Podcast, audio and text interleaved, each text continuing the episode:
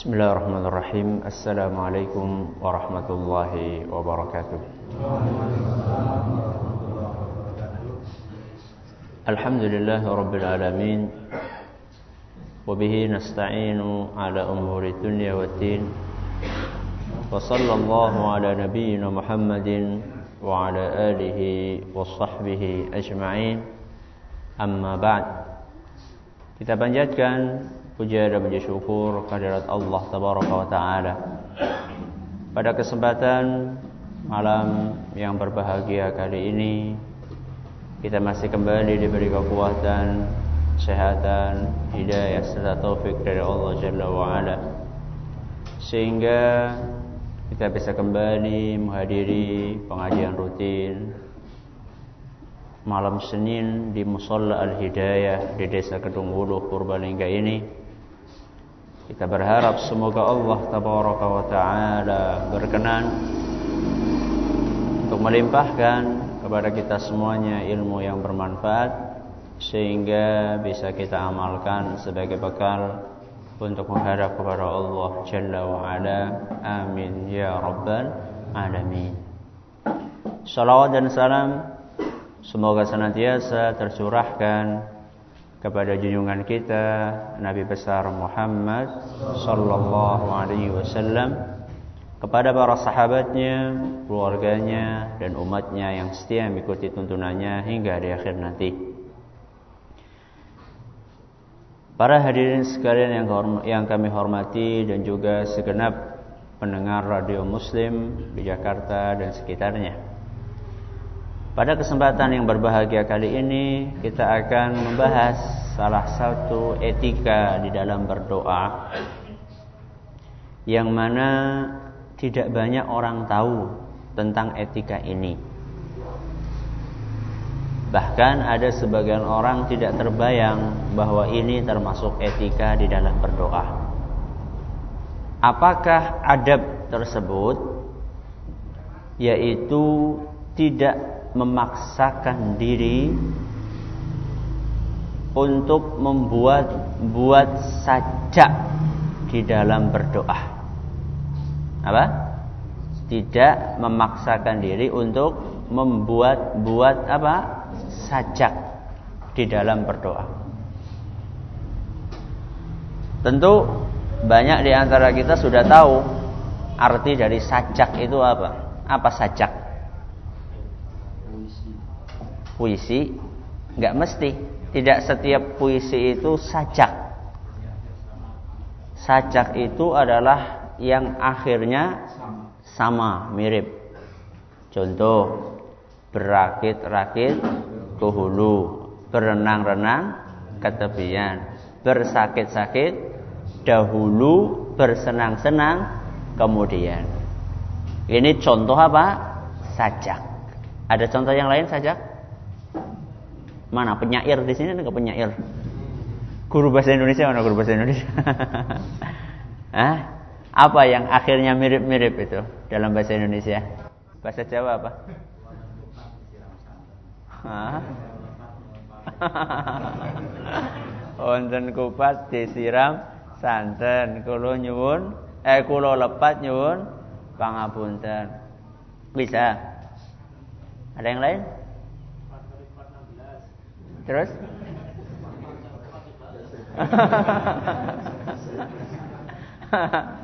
empat kali empat enam belas sempat orang sempat kudu dibalas gitu. Dan yang semisal dengan ini, apakah sajak itu tidak boleh? Boleh nggak sajak? Boleh, sajak boleh. Jadi kayak tadi itu berakit-rakit ke hulu, berenang-renang ke tepian dan semisalnya itu boleh. Cuman yang jadi permasalahan di sini adalah ketika itu dijadikan sebagai sebuah doa, kemudian dia itu terlalu memaksakan diri untuk ngarang. Ya, untuk ngarang supaya dalam doa itu akhirnya kudu apa? Pada kabeh. Ini yang tidak dicontohkan dan diajarkan oleh Nabi Shallallahu Alaihi Wasallam. Jadi etikanya adalah tidak memaksakan diri untuk apa tadi? membuat-buat sajak di dalam berdoa. Dan ini memaksakan diri untuk membuat-buat sajak dalam berdoa. Ini bukan merupakan kebiasaannya Nabi Shallallahu Alaihi Wasallam dan juga bukan merupakan kebiasaannya para sahabat. Kalau sudah bukan kebiasaannya Nabi dan sahabat ya sudah berarti itu bukan merupakan sesuatu yang baik. Pasti itu adalah sesuatu yang je, jelek. E, hal itu dituturkan oleh Imam Ibnu Abbas radhiyallahu anhu di dalam Sahih Bukhari kata beliau menyampaikan nasihat kepada muridnya yang bernama Ikrimah. Siapa muridnya? Ikrimah. Ikrimah ini salah seorang dari generasi tabi'in. Kalau tabi'in itu berarti muridnya siapa? Sahabat. Kalau Ibnu Abbas radhiyallahu anhu sahabat, kalau Ikrimah itu siapa? Tabi'in. Nah tabi'in ini gurunya adalah Ibnu Abbas. Ibnu Abbas suatu saat memberikan nasihat kepada muridnya yang bernama siapa tadi? Ikrimah. Apa kata Ibnu Abbas? Hadithin nasa kulla jumu'atin marrah. Wahai muridku, bikinlah pengajian untuk masyarakat seminggu sekali. Bikinlah pengajian untuk masyarakat berapa? Seminggu sekali. Kurang apa lebih? Lebih. Jadi ini nasihat. Nanti kita akan akan jelaskan kenapa kok Ibnu Abbas ini justru memberikan pesan kepada muridnya yang ulama juga. Ini ulama memberikan nasihat kepada ulama. Supaya membuat pengajian seminggu sekali saja. Jangan banyak, jangan banyak-banyak. Fa in abaita famarrataini. Kalau memang masyarakat pengen mendesak lebih dari sekali dalam sepekan, maka sampaikanlah pengajian berapa kali? Dua kali sepekan. Kalau memang sudah dikasih satu tapi mereka tetap wah kurang. Biasanya kayak gitu kan. Kurang akeh pengajiannya. Ya wis ditambahi berapa kali? Dua kali dalam sepekan. Fa in abaita fa in aksarta fa marrat. Kalau memang kamu masih ingin lebih dari dua kali, maka paling pol adalah tiga kali dalam seminggu. Berapa? Tiga kali. Pas apa lagi? Telumping telu. Si kurang ya. Malam kita malam apa? malam Senin di sini. Kemudian malam Kamis ping. Tambah siji maning. Sudah ada pengajian ibu-ibu. Jadi tiga kali. Jadi ini nasihatnya Ibnu Abbas kepada siapa? Ikrimah. Dua-duanya sama-sama ulama, sama-sama ustadz, sama-sama dai. Dikasih nasihat sama Ibnu Abbas. Kenapa wahai Ibnu Abbas? Kok cukup hanya sekali atau dua kali atau tiga kali saja? Kata beliau, Kata beliau, wala tumillan nasa hadzal Qur'an. Jangan sampai engkau itu membuat manusia jenuh dengan ilmu agama ini, yaitu Quran. Biasanya kan orang itu jenuh karena apa? Karena keseringan. Karena keseringan itu timbullah rasa jenuh. Lama-lama karena jenuh akhirnya malah orang ngaji. Wah, penjina ngaji lah, kesel. Tapi kalau misalnya sekali ngaji seminggu, wah jadi orang pengajian-pengajian maning ya. Akhirnya dia masuk pengajian dalam keadaan apa? Dalam keadaan semangat pengen ngaji. Karena sudah seminggu ya, engannya seminggu, suwe apa maning pray berapa kita libur ini? apa maning rong bulan pray ini suwe temen. Nah, Nah, ketika masuk itu masuk dalam keadaan bersemangat. Beda dengan orang yang sudah jenuh, masuknya itu dalam keterpaksaan. Dan ini bukan hanya kaitannya dengan pengajian. Masalah ketemu dan bertamu itu juga seperti itu. Makanya ada sebuah ungkapan yang dalam bahasa Arab yang bunyinya zurghibban tazdad hubban. Artinya adalah berkunjunglah jarang-jarang supaya kamu itu semakin cinta. Jadi ketika kita berkunjung bertamunya itu jarang-jarang ya seminggu sekali. Jarang nggak seminggu sekali? Keseringan ya. Oh eh, setahun sepisan kurpas apa ya nggak sampai segitulah. Artinya ini melihat sikon. Jadi ketika kita berkunjung tidak terlalu sering itu justru Allah akan semakin memupuk rasa cinta beda ketika kita berkunjung saben dina saben lama-lama apa bosan lah. Mentong-mentong akan Mentong-mentong wedang, gula, jajan. Karena apa? Karena tiap hari. Wah, anak kayak nyung dua bocor tak tinggal bayi ya sebulan sepisan. ya ndak lah, itu itu lain eh, apa namanya? Konteksnya itu lain. Jadi permasalahannya ini beda. Ini adalah antar saudara atau antar teman. Jadi di sini Ibnu Abbas radhiyallahu anhu menjelaskan bahwa pengajian itu jangan sering-sering. Ya, paling tidak itu tiga kali dalam seminggu. Kemudian setelah itu Ibnu Abbas mengajarkan sebuah etika kalau ngomong sama orang lain. Kata beliau, "Wala ulfiyannaka ta'til qauma wa hum fi haditsin min hadithihim fataqussu 'alaihim fataqta'u 'alaihim hadithahum fatumillahum." Kata Ibnu Abbas, kalau kamu datang ke suatu sekelompok orang dan mereka sedang ngobrol tentang urusan mereka. Biasanya kalau orang petani ngobrol tentang tani, kalau pedagang ngobrol tentang dagangannya, kalau guru ngobrol tentang duit.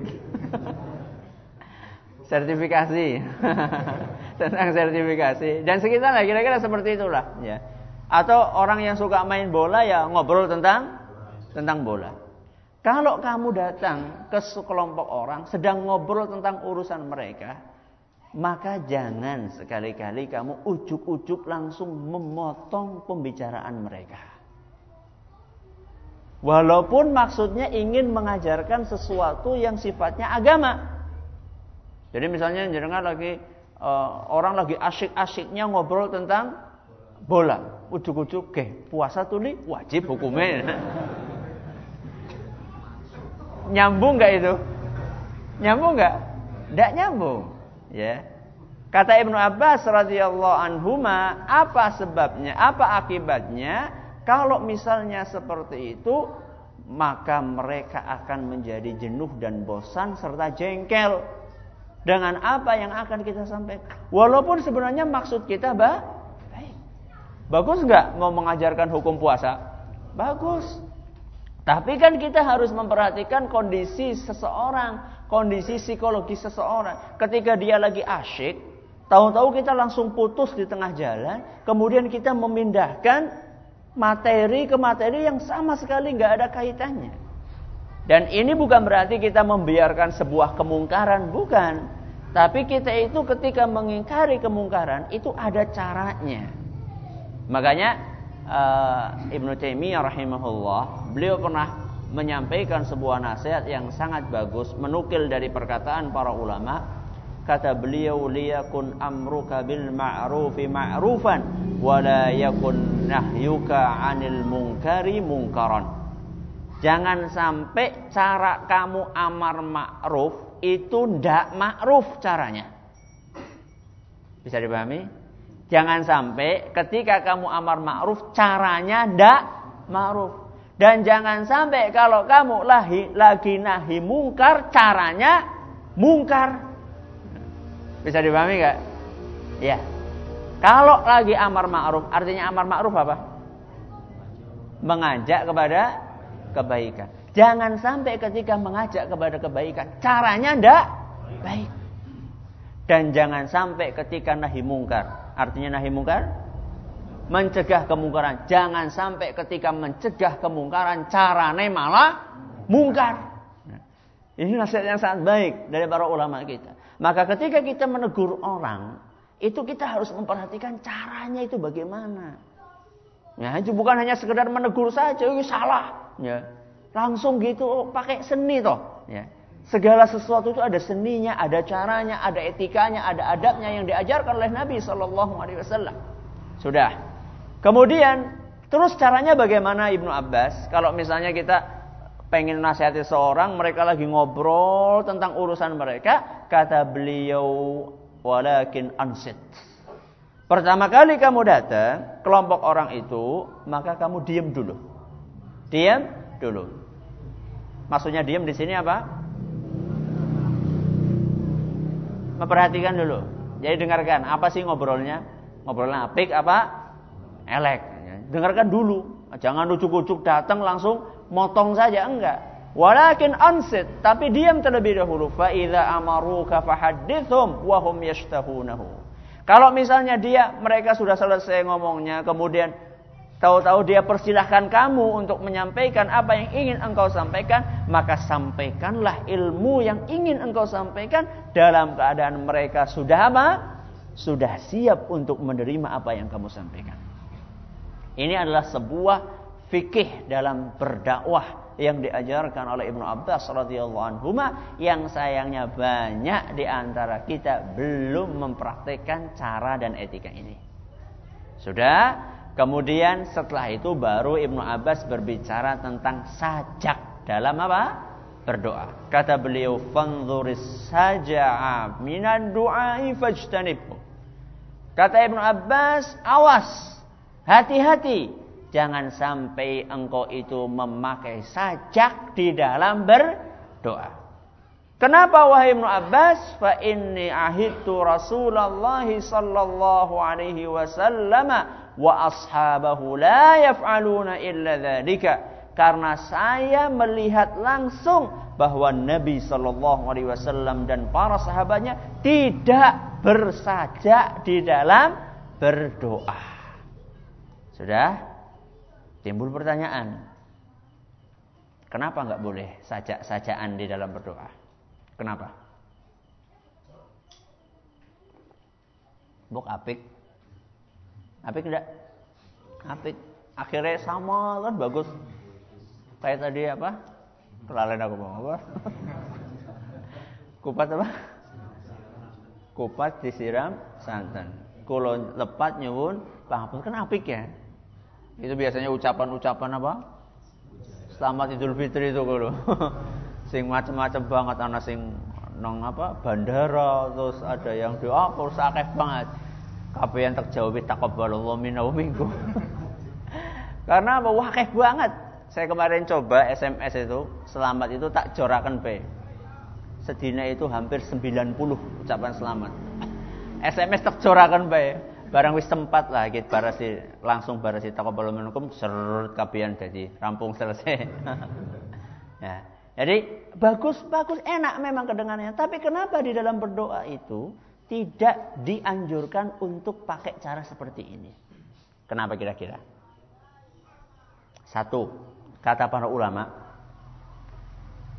di antaranya Al-Azhari, Imam Al-Azhari, katanya cara-cara seperti itu mirip sama dukun. Mirip sama apa? Dukun. Dukun itu kalau pakai mantra, biasanya mantranya apa? Pakai sajak. Orang percaya, contohnya apa? Wes, wes, wes. Tidak tahu itu, bukan itu. Ada yang lain? Ada yang contoh mantra lain bukan asing tahu merdukun apa-apa. ya, apa? abrakadabra terus apa kelanjutannya apa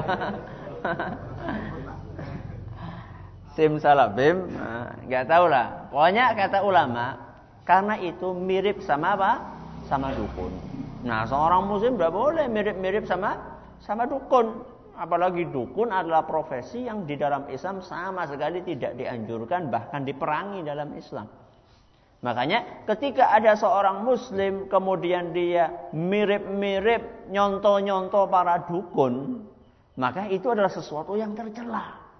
Ya. Makanya Nabi Wasallam tidak suka sekali ketika ada di antara sahabatnya yang ingin menolak syariat ini dengan ungkapan-ungkapan yang mirip dukun. Makanya diceritakan dalam sebuah hadis yang sahih di dalam Sahih Muslim ada dua orang wanita tukaran pada zaman Nabi SAW. Yang satunya hamil, yang satunya enggak. Karena saking sengitnya perkelahian itu sampai pukul-pukulan, diceritakan ada salah satu yang lempar batu atau mukul pakai kayu gede. Hebat ya wanita ya. Dua orang wanita pukul-pukulan sampai akhirnya ada salah satu di antara keduanya yang meninggal dunia. Ternyata yang meninggal itu adalah yang sedang hamil. Berarti kalau ibunya mati, anaknya mati juga dan saat itu memang mati juga anaknya. Walaupun sekarang kalau di zaman kita ini masih bisa kadang-kadang bisa dioperasi diselamatkan janinnya. Nah, saat itu ibunya mati, anaknya mati. Akhirnya ngadu kepada siapa? Kepada Nabi SAW. Wahai Rasul ini bagaimana? Apa kira-kira hukumannya buat yang mukul? Akhirnya Nabi Shallallahu Alaihi Wasallam menentukan ini yang mukul harus bayar denda. Dendanya itu adalah seharga seorang budak. Seharga seorang budak dan itu mahal. Budak itu mahal. Ya entah berapa puluh atau ratus juta. Jadi janin yang ada di perut itu harus dibayar. Ya. Harus dibayar se eh, seharga seekor uh, seorang budak. Akhirnya ada salah seorang wanita yang hadir saat itu nggak setuju ya. dengan fonis dari Nabi Shallallahu Alaihi Wasallam kemudian mengungkapkan kata-kata yang bersajak akhir-akhirnya kata dia ya Rasulullah kaifa aghribu man la syariba wala akal. Huruf terakhirnya apa ini? L. Ah. Ya Rasulullah, bagaimana mungkin saya suruh menebus manusia yang tidak pernah minum dan tidak pernah makan? Maksudnya siapa? Bayi janin. Janin itu kan belum pernah makan, minum. Masa saya disuruh nebus dengan harga sekian puluh juta atau ratus juta? Di mana keadilan? Dia ngomong seperti itu. Kemudian dia lanjutkan wala nataqa walastahal. Akhirnya apa? L lagi. Dan gak pernah makhluk itu nangis atau berbicara alias dia itu belum sempat untuk lahir ke muka bumi. Kemudian kata wanita tersebut famithlu dzalika yutol. Apa? L lagi kan? Dan yang seperti ini seharusnya tidak perlu untuk didenda wahai Rasul. Seharusnya mayat yang seperti ini dibuang saja. Jadi dia ini memprotes hukuman siapa? Yang sudah ditetapkan oleh Rasul SAW. Dengan kalimat-kalimat yang akhirnya L L L L kata Nabi Shallallahu Alaihi Wasallam Inna mahadha min ikhwanil kuhan wanita ini, ungkapan seperti ini, inilah ungkapannya para dukun. Jadi Nabi SAW nggak suka dengan ungkapan-ungkapan seperti itu karena itu mirip ungkapannya dukun. Ini yang sebab yang pertama. Kenapa kok tidak boleh kita itu memakai memaksa-maksa diri membuat-buat saja dalam berdoa karena apa tadi mirip dukun. Yang kedua mengganggu apa Mengganggu? Mengganggu apa ini? Hati. Apa? Khusyuk. Mengganggu khusyuk dalam berdoa. Kok bisa? Kok bisa ganggu khusyuk? Karena konsentrasinya habis untuk untuk sajak. Jadi gue mikir gue udah mikir isine donga tapi mikir kepriwe ben akhirnya padha kabeh. Dan ini jelas bertolak belakang dengan intinya doa. Karena doa kita diperintahkan untuk khusyuk di dalam berdoa. Makanya kalau orang cuma mikirkan itunya saja. Akhirnya malah intinya doa yaitu khusyuk kepada Allah Azza wa Jalla. Malah tidak tercapai.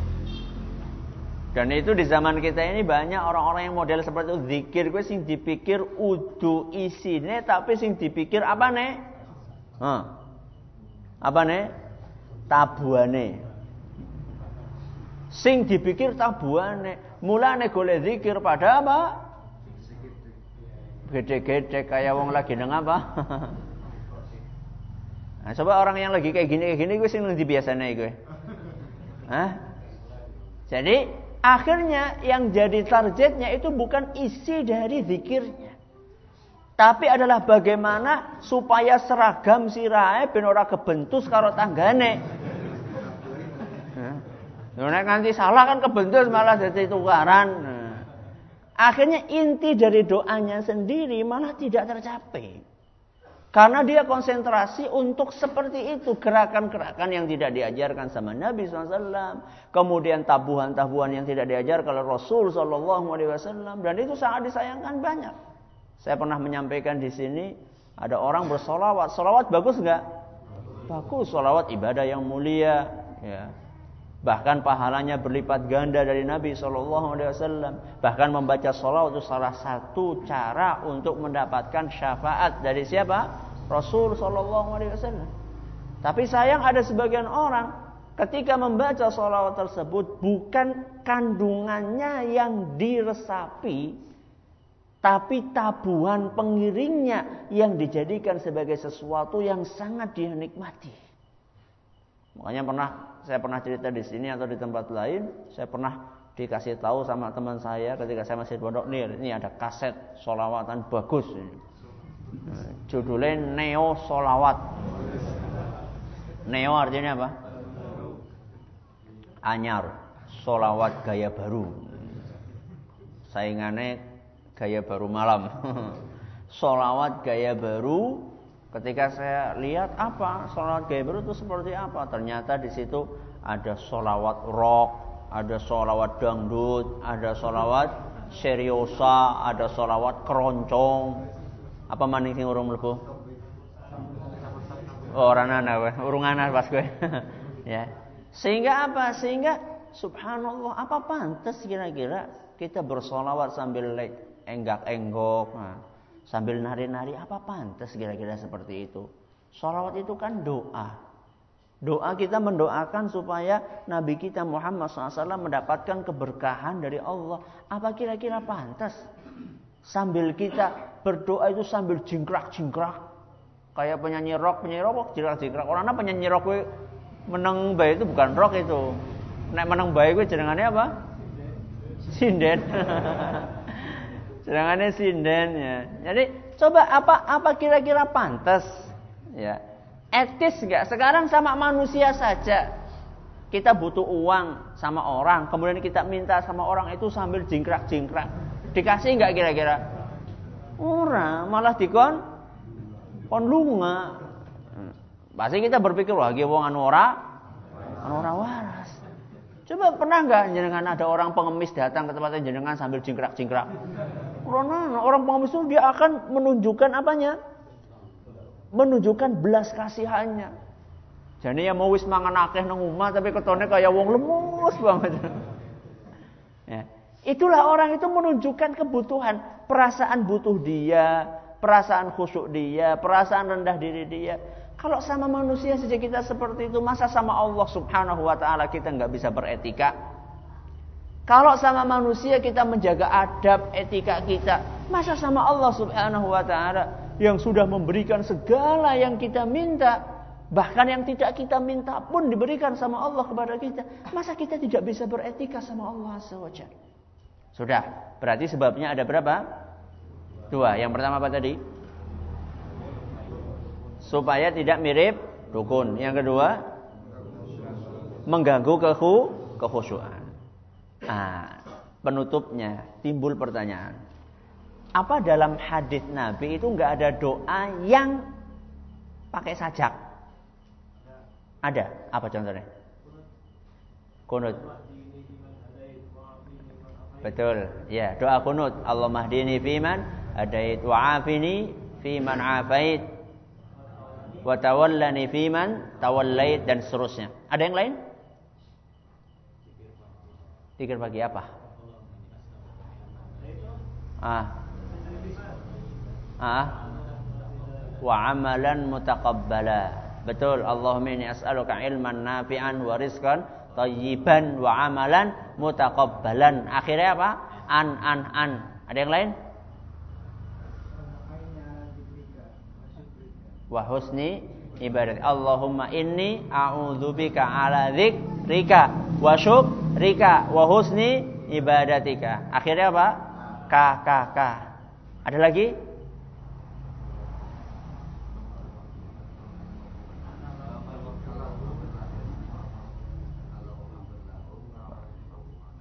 Allah maafir lahum warhamhum wa'afihim wa'fanhum.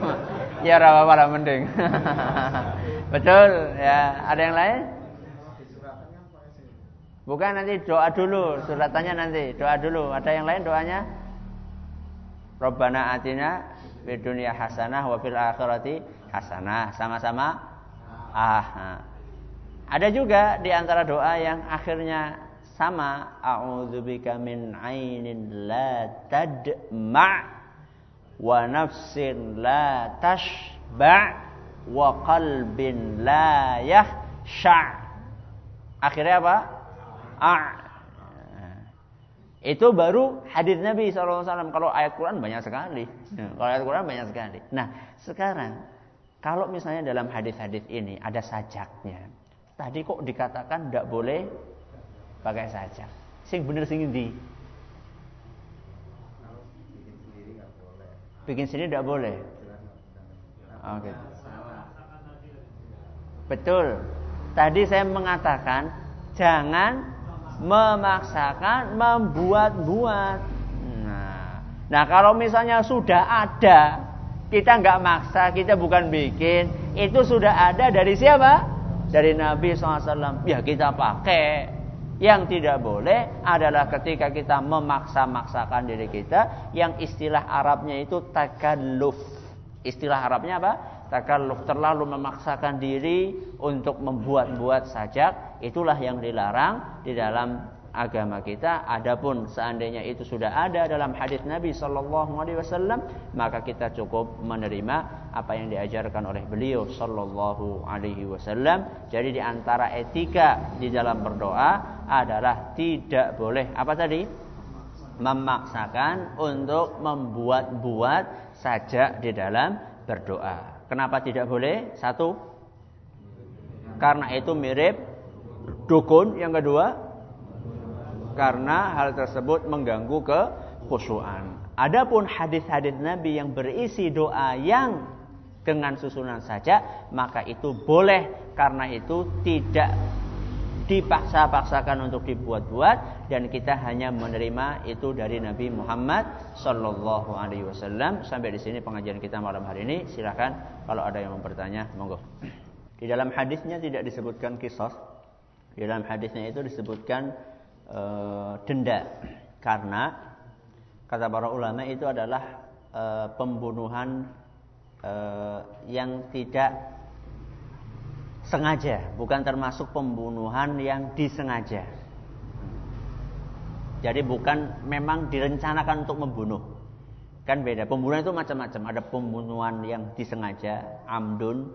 Ada pembunuhan shibhul amdi, mirip kayak sengaja, ada yang pembunuhan sama sekali tidak sengaja. Nah, itu hukumnya beda-beda. Hukumnya beda-beda.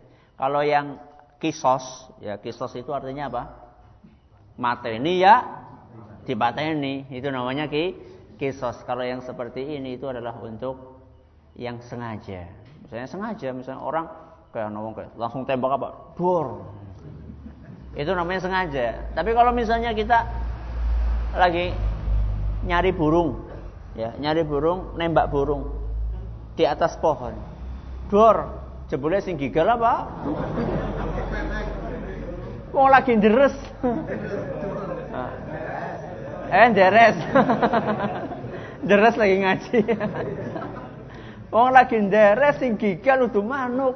Padahal kita kan sengaja nggak? Nggak sengaja. Terus berarti nggak dihukum? dihukum, cuman hukumannya nggak sama. Kayak orang yang membunuh dengan sengaja, ya. Ya, ada yang lain? Kalau jatah-jatahnya tanyakan sama yang lain. Ini seberapa, seberapa, tanyakan sama yang lebih ahli dalam itu. Tapi kalau bapak ibu anak-anak, ya. Kemudian bapak meninggal, sisanya siapa? Ibu, anak-anak. Ini kayak gini sudah boleh dibagi waris? Boleh.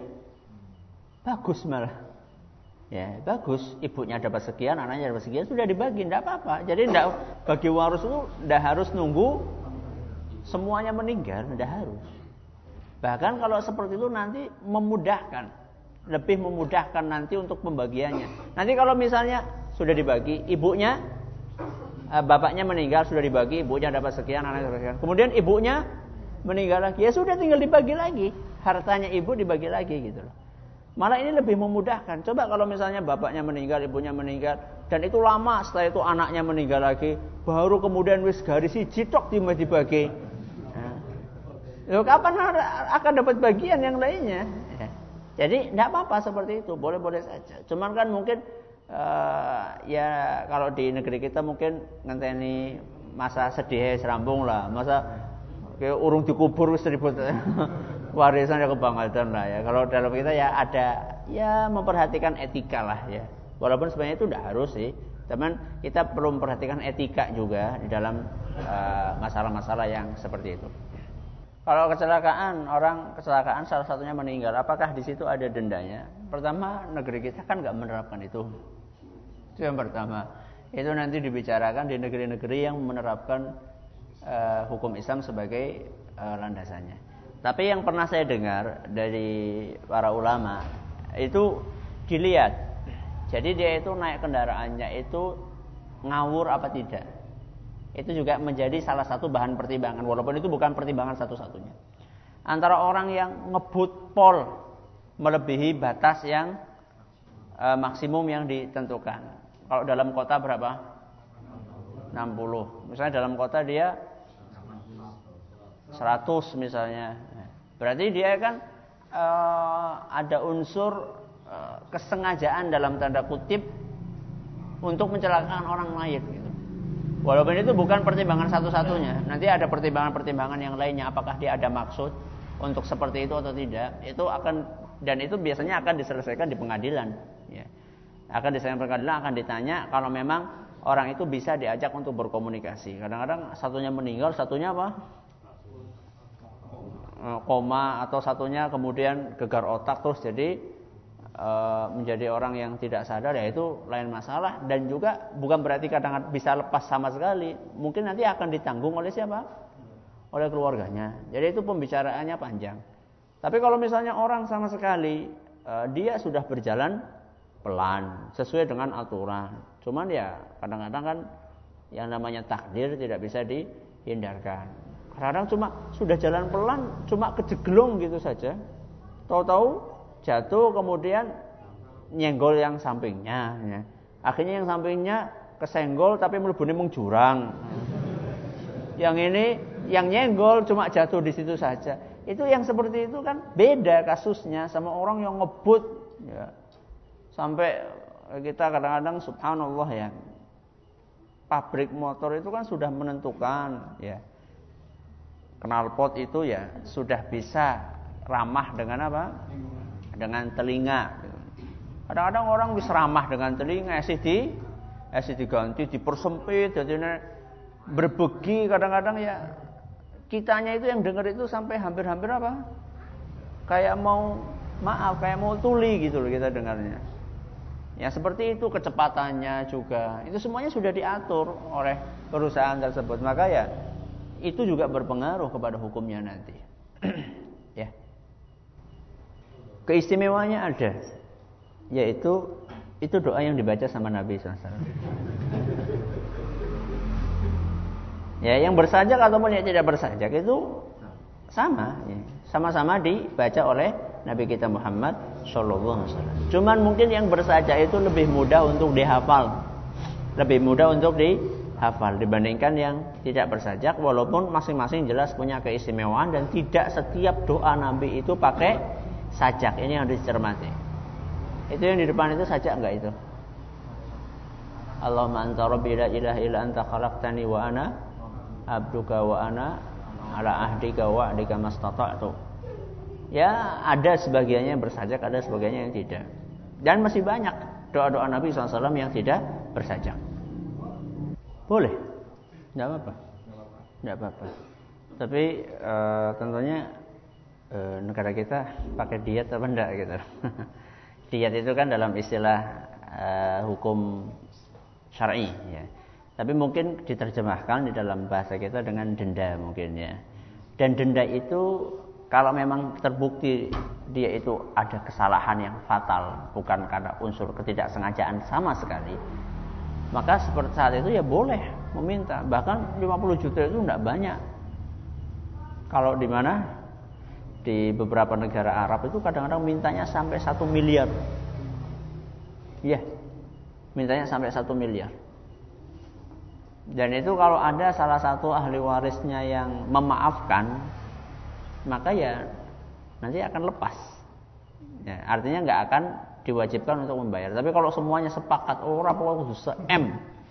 Nah, kalau sudah Allah seperti itu kan kita pernah dengar tuh cerita tentang seorang TKW yang kemudian uh, akan dijatuhi hukuman pancung, dia akan dimaafkan kalau membayar diet sekian gitu. Akhirnya malah dimaafkan. Terus duit wis kadung terkumpul malah akhirnya buat beli emas sama si TKW tadi sampai katanya diceritakan itu sampai jadi toko emas berjalan saking apa nih ini orang kaya mendadak ini jadi boleh tidak apa-apa boleh cuman di situ sebenarnya eh, akan bagus seandainya eh, orang yang ahli waris si korban itu kalau dia lebih apa ya lebih memaafkan itu itu luar biasa itu. Jadi kalau memaafkan tujuannya untuk mendapatkan ridho dari Allah Azza wa itu luar biasa. Cuman yang seperti itu tuh jarang gitu. Jadi dalam Islam ya perbedaan perasaan tadi cukup ditolerir gitu loh. Ada sebagian orang yang punya rasa maaf yang sangat luas, ada orang yang agak sulit untuk memaafkan. Nah, yang agak sulit ini ya ya orang kata nggo nggo bombong-bombong gini ya 50 juta untuk apa agar agak gimana itu dalam Islam tidak apa-apa itu. Hmm.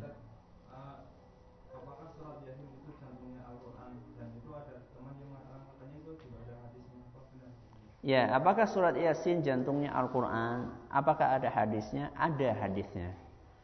Cuman hadisnya itu dinilai lemah oleh para ulama. Jadi Eh, keutamaan surat Yasin adalah bahwa surat Yasin adalah salah satu surat dari Al Al-Qur'an. Nah, salah satu surat dalam Al-Qur'an. Dan itu keutamaan apa bukan? Keutamaan. Loh, masa bukan keutamaan? Quran itu kan istimewa. Kalau misalnya itu surat bagian dari Al-Qur'an itu kan sangat istimewa. Ya surat yang jenengan tulis untuk istrinya jenengan sama surat Yasin ya tidak sebanding apa-apa tuh. Jelas surat Yasin itulah lebih istimewa karena itu adalah firmannya siapa? Tapi kalau dikatakan bahwa surat Yasin jantungnya Al-Quran, itu setahu saya hadisnya lemah. Dan kalau ingin lebih mengetahui tentang dari sisi mana penilaian hadis itu kok doif, itu bisa ada di rumah itu buku segini khusus untuk bahas tentang hadis-hadis seputar surat Yasin. Ya. Tapi bukan berarti kita itu tidak boleh baca surat Yasin. Jangan sampai salah persepsi. Oh, kana rolih maca Yasin. Dosa apa sih ngomong rolih? Yasin kok nggak boleh dibaca? Yasin itu adalah bagian dari Al Al-Quran. Tapi ya Nah iso ya jangan cuma Yasin tok yang dibaca gitu. Melasi surat sing sing liyane. Kasihan surat yang lainnya, surat Al-Baqarah. Sekali-kali Al-Baqarah eh Al-Baqarah sekali-kali gitu. Atau sekali-kali Ali Imran. Yasin, gantian yang lainnya dibaca yang lainnya. Nanti akan sampai juga ke surat Yasin ya. Kalau kita baca dari awal nanti ketemu juga surat Yasin, insya Allah. Ya. Artinya Yasin itu istimewa. Keistimewanya adalah salah satu dari surat dalam Al-Quran. Dan itu disunahkan untuk kita baca kapan saja. Karena itu bagian dari Al-Quran. Wallahu ta'ala a'la wa alam. Subhanakallahumma bihamdika. Asyhadu an la ilaha illa anta Assalamualaikum warahmatullahi wabarakatuh.